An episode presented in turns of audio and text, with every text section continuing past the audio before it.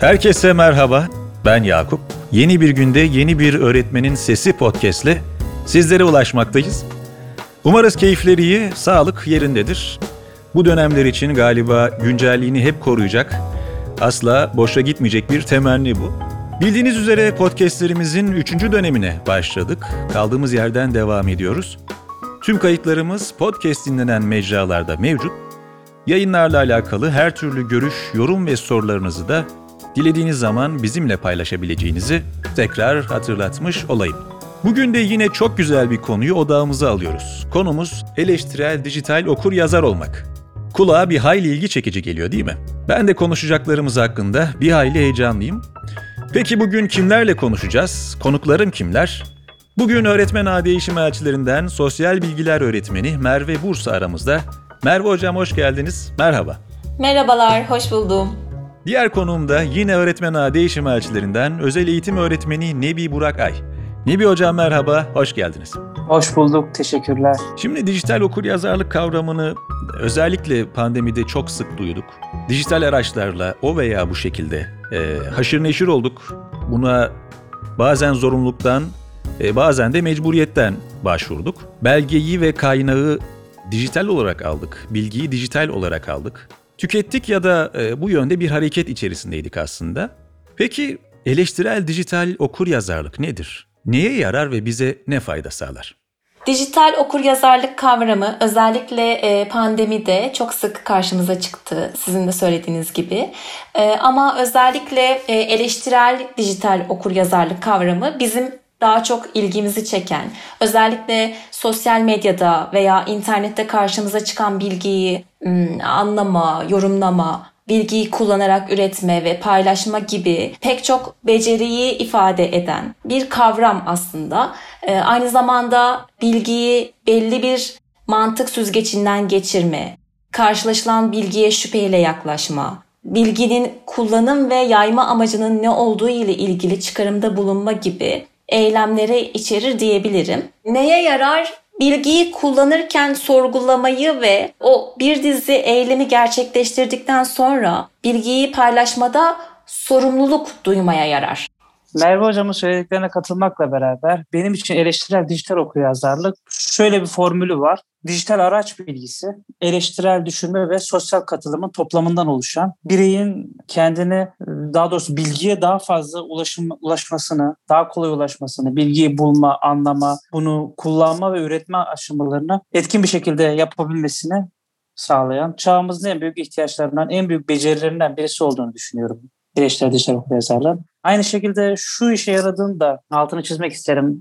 Çağımızın en büyük ihtiyaçlarından biri artık bilgiye hızlı ulaşmak. Yani bilgiye ulaşmaktan daha ziyade doğru bilgiye hızlı ve e, etkin bir şekilde ulaşmamız gerekiyor. Bu ulaşmamızdaki bu becerileri, dijital okuryazarlık becerilerini ne kadar geliştirebilirsek o kadar kolay olacak işimiz ve bu beceriler sayesinde hız çağında bir adım daha önde olmayı sağlıyor bu beceriler bize aslında. Teşekkürler bu değerlendirmeleri için. Ee, şimdi bir yandan da okullara döndük. Okuldan uzak yürütülen bir buçuk senelik dönemde eğitimdeki kimi alışkanlıklarımız değişti. Bu alışkanlıklara yenileri eklendi, bazı alışkanlıklarımız dönüştü vesaire. Şimdilerde e, okullara dönmüş ve epeyce de gözlem yapmışken sizlere sormak istiyorum. Eğitim ortamlarında eleştirel dijital okur yazarlık bağlamında nasıl ihtiyaçlarla karşılaşıyorsunuz? Birkaç örnek ya da durum e, tespitiniz var mı bununla alakalı? Öncelikle eğitimin temelinde bilgi vardır ve çağımızın en büyük e, ihtiyaçlarından birisi doğru bilgiye ulaşmak. Bir önceki zamanda teknoloji bu kadar gelişmemişken, dijital araçlar bu kadar ön planda olmadığı zamanlarda bilgileri kitaplardan, kütüphanelerden ya da öğretmenlerden ediniyorduk biz. Ama şu anda bilgi her yerde. Her yerde olan bilgi doğru bir kaynaktan çıkmadığı zaman da çok fazla yanlış bilgiyle karşılaşıyoruz bu konuda doğru bilginin olmadığı yerde doğru bilginin yerine hemen yanlış bilgiler alabiliyor. Bu yüzden bu eleştirel dijital okuryazarlık becerilerini edindiğimiz zaman doğru bilgiye daha çabuk ulaşmamızı, doğru bilgiyi işlememizi sağlıyor.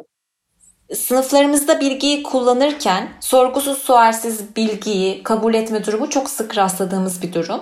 Özellikle bu bilgiyi bir otorite ya da ders kitapları tarafından verilmişse öğrencilerin direkt bunu doğru kabul edip e, üzerine düşünmeme gibi bir e, alışkanlıkları olabiliyor. İşte tam da bu noktada aslında eleştirel düşünmeye ihtiyaç duyuyoruz bilginin sorgulanması, kaynağının araştırılması, bilginin değişebilirliği hakkında e, becerilerin kazandırılması gerekiyor. Hele ki bu öğrencilerimizin fazlaca kullandığı bir alan olan internette yayılan bir bilgi ise e, önemi çok büyük. Çünkü biliyorsunuz ki e, internette herhangi bir içeriğin yayılması e, Nebi hocamın da söylediği gibi çok hızlı olabiliyor. Sadece yeter ki yani ilgi çeksin. İçerdiği bilginin e, doğruluğu araştırılmadan böylece pek çok yanlış bilgi kasıtlı e, veya kasıtsız olarak yayılabiliyor.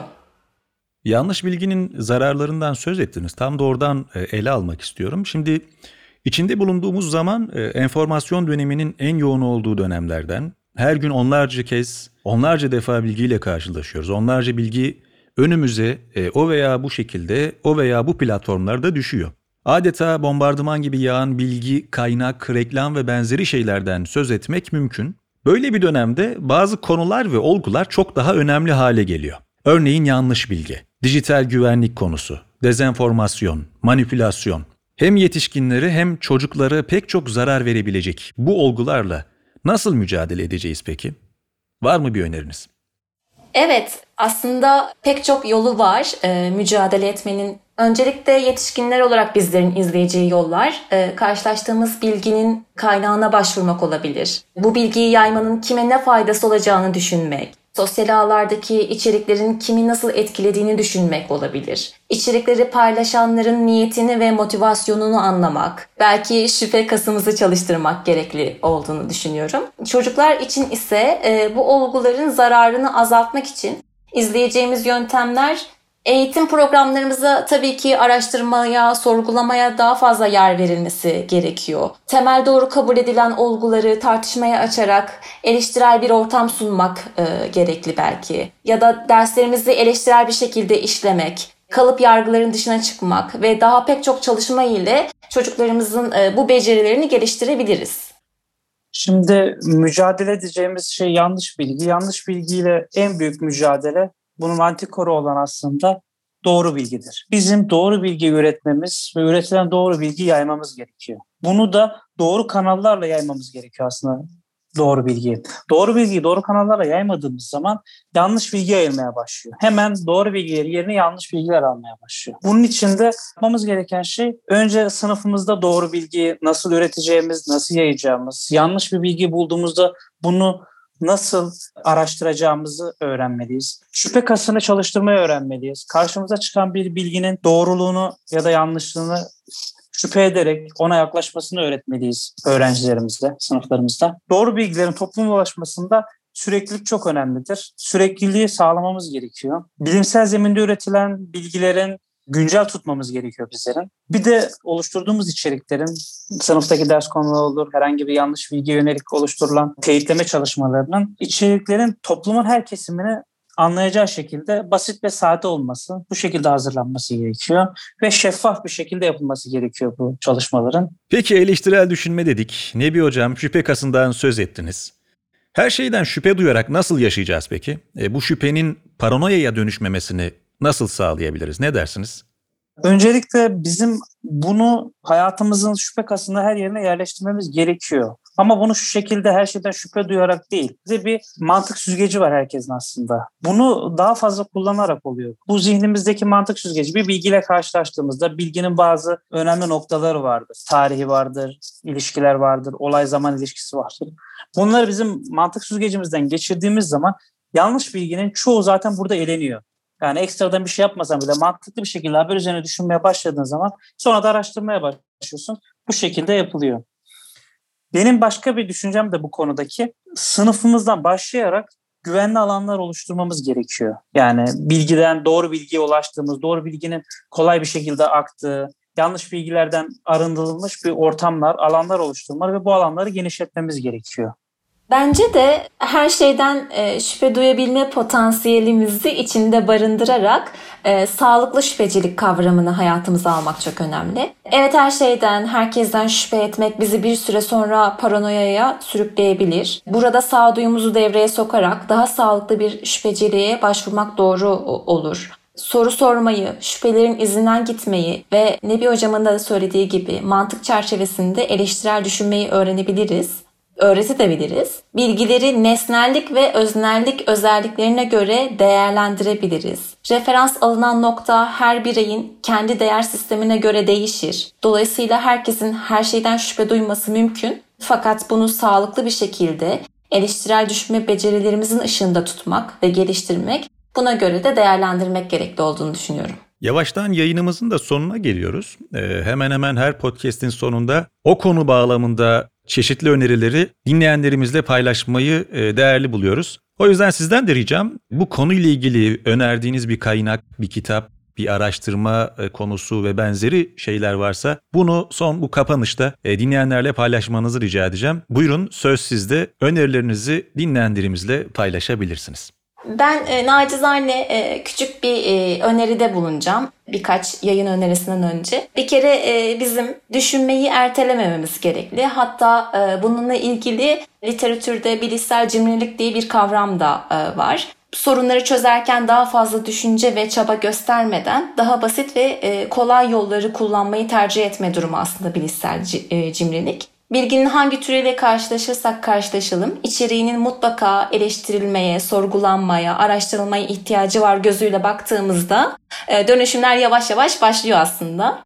Tabii ki öncelikle bu dönüşüm hem kendimiz, önce kendimizde, sonra çevremizde başlıyor.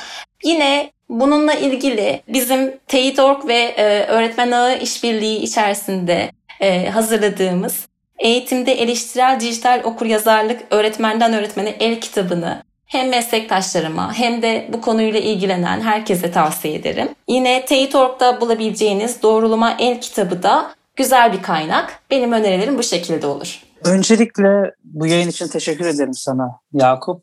Çok faydalı bir yayın oldu. Benim nacizane tavsiyem, önereceğim şeyler Merve Hocam'ın da dediği gibi e, düşünmeyi, bir konuya kafa yormayı devamlı artık hayatımızın her alanına adapte etmemiz gerekiyor. Çünkü bu bilgi çağındayız ve bilgiler arttıkça yanlış bilgi de artacak. Yanlış bilgi daima var olacak. Önemli olan bizim bu yanlış bilgiyle mücadele etmeyi yaşantımızın bir parçası haline getirmemiz, bu duruma adapte olmamız gerekiyor. Şüphe kaslarımızı daima çalıştırmamız gerekiyor. Şüphe kaslarını daima çalıştırdığımız zaman hem daha iyi bir nesil olma yolunda ilerleriz hem de daha üretken bir toplum olacağımızı düşünüyorum ben. Şüphe etmek, merak etmek birbirine kardeşi gibidir aslında. Bu yüzden şüphe etmekten, merak etmekten asla vazgeçmesinler. Yayın olarak da Türkçe kaynaklar olduğu gibi İngilizce kaynaklar da mevcut. Bu İngilizce teyitleme kaynaklarından yararlanabilirler. Kendilerinin eleştirel dijital okuryazarlık becerilerini geliştirmesi için tamamen bir araç olmasa bile başlangıç olarak Merve Hocam'ın söylediği Teyit.org'la öğretmen ağı işbirliği olan öğretmenden öğretmene el kitabını mutlaka okumaları, edinmeleri gerekiyor. Bu bir çıkış noktası, bu bir kapı benim gözümde. Bu kapıyı açtıktan sonra, bu kapıyı geçtikten sonra geri kalan her şey sizin kendi elinizde olacağını düşünüyorum. Teşekkür ediyorum. Çok teşekkür ederim. Eleştirel dijital okuryazarlıkla ilgili önemli bilgileri bizlerle paylaştınız. Umuyorum dinleyenler de merak ettikleri şeylere buradan yanıt bulabilmişlerdir. Ağzınıza sağlık. Bir Öğretmenin Sesi podcast'in daha sonuna geldik. Ben Deniz Yakup, konuklarım öğretmen ağa değişim elçilerinden Merve Bursa ve Nebi Burak Aydı. Bizden bu kadar. Bir sonraki podcast'te görüşünceye dek hoşça kalın, kendinize iyi bakın.